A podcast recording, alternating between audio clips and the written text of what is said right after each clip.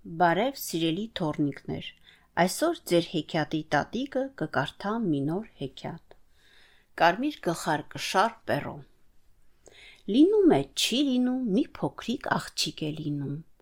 Այս աղջիկը իր մայրիկի հետ ապրում է անտառի մոտ գտնվող գյուղում։ Աղջկա ծննդյան օրը մայրը մի կարմիր գլխարկ է նվիրում։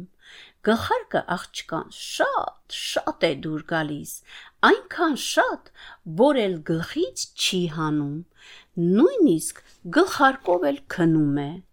Ու այդպես աղջկա անունը մնում է Կարմիր գլխարկ։ Կարմիր գլխարկ, տատիկը հիվանդացել է։ Ես կարկանդակներ եմ թխել։ Տար, թողուտի ու շուտ լավանա, ասաց մայրը։ Ահա, մամ, հենց հիմա էլ կգնամ։ Բայց տես, հա, ուշադիր կլինես, Էս կողմ, այն կողմ չընկնես, ուղիղ տատիկի տուն կգնաս։ Ու վերցնում է կարմիր գլխարկը կարկանդակները եւ ճանապարհ է ընկնում դեպի տատիկի տուն։ Տատիկի տունը անտառի ծայրում էր գտնվում։ Հենց կարմիր գլխարկը մտնում է անտառ, մեկ էլ հոպ գայլը դուրս է գալիս աղջկա դեմը։ Վայ, վախեցա, վերը թրջում կարմիր գլխարկը։ Մի վախեցիր, կարմիր գլխարկ, ես ուզում եմ հարցնել, ուր ես գնում, ինչ գործ ունես մեր անտառում։ Տատիկիս տուն եմ գնում, հիվանդացել է, կարկանդակներ եմ տանում, որ ուտի ու շուտ լավանա։ Վայ, վայ, էս ինչ է լավ թորնիկ է։ Ապրես դու։ Բայց ասա ինձ, Որտեղ է ապրում տատիկդ։ Գիտես, անտարի ծայրին, այն ամենամեծ ծառի մոտ։ Կարմիր գլխարկ, դու պետք է գնաս այ այն ճանապարով, որ շուտ հասնես քո տատիկին, իսկ ես էլ գնամ արդեն իմ գործերով։ Ահա Ինչ էլ ճիշտ ժամանակին հանդիպեցի աղջկան։ ոյ, ինչ էլ սոված եմ հիմա ես։ Համ տատիկին կուտեմ կգնամ, համ էլ կարմիր գլխարկին։ Ու խորաման գայլը ինչքան ուժ ուներ, վազում էր տատիկի տուն։ Իսկ այդ ժամանակ կարմիր գլխարկը իր համար երկելով թրջունների ծլվլոցը լսելով, ծաղիկներ հավաքելով, հիանալով անտառի գեղեցկությունով իր համար գնում էր։ Ու մինչև կարմիր գլխարկը անտառին ծաղիկներ էր հավաքում, գայլը հասնում է տատիկի տուն ու ծեծում դուռը։ Տուկ տուկ։ Ո՞վ է։ Ես եմ կարմիր գլխարկը քեզ համար կարկանդակներ եմ բերել, որ ուտես ու շուտ լավանաս։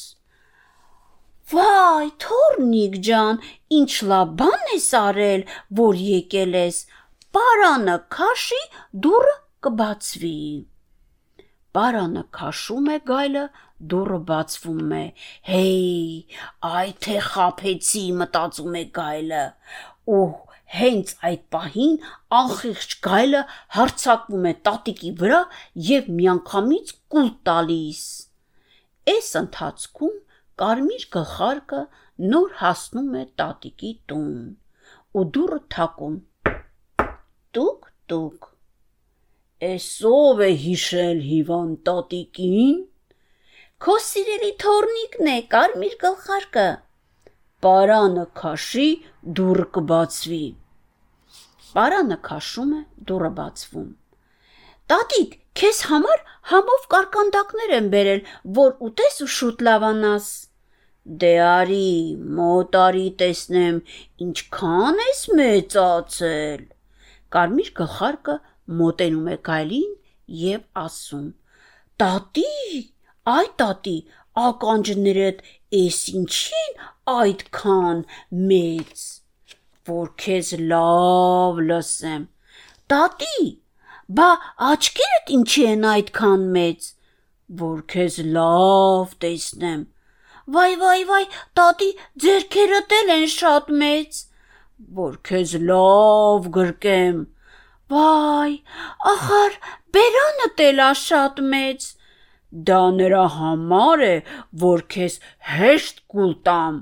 Օգնեցեք, օգնեցեք, օգնեցեք։ Հենց այդ ժամանակ որսորդները անցնում էին տատիկի տան մոտով։ Օգնեցեք, օգնեցեք, օգնեցեք։ Էս ինչ ձայներ են, լսեցիր, օգնություն են կանչում, տեսնես որտեղից կլինի։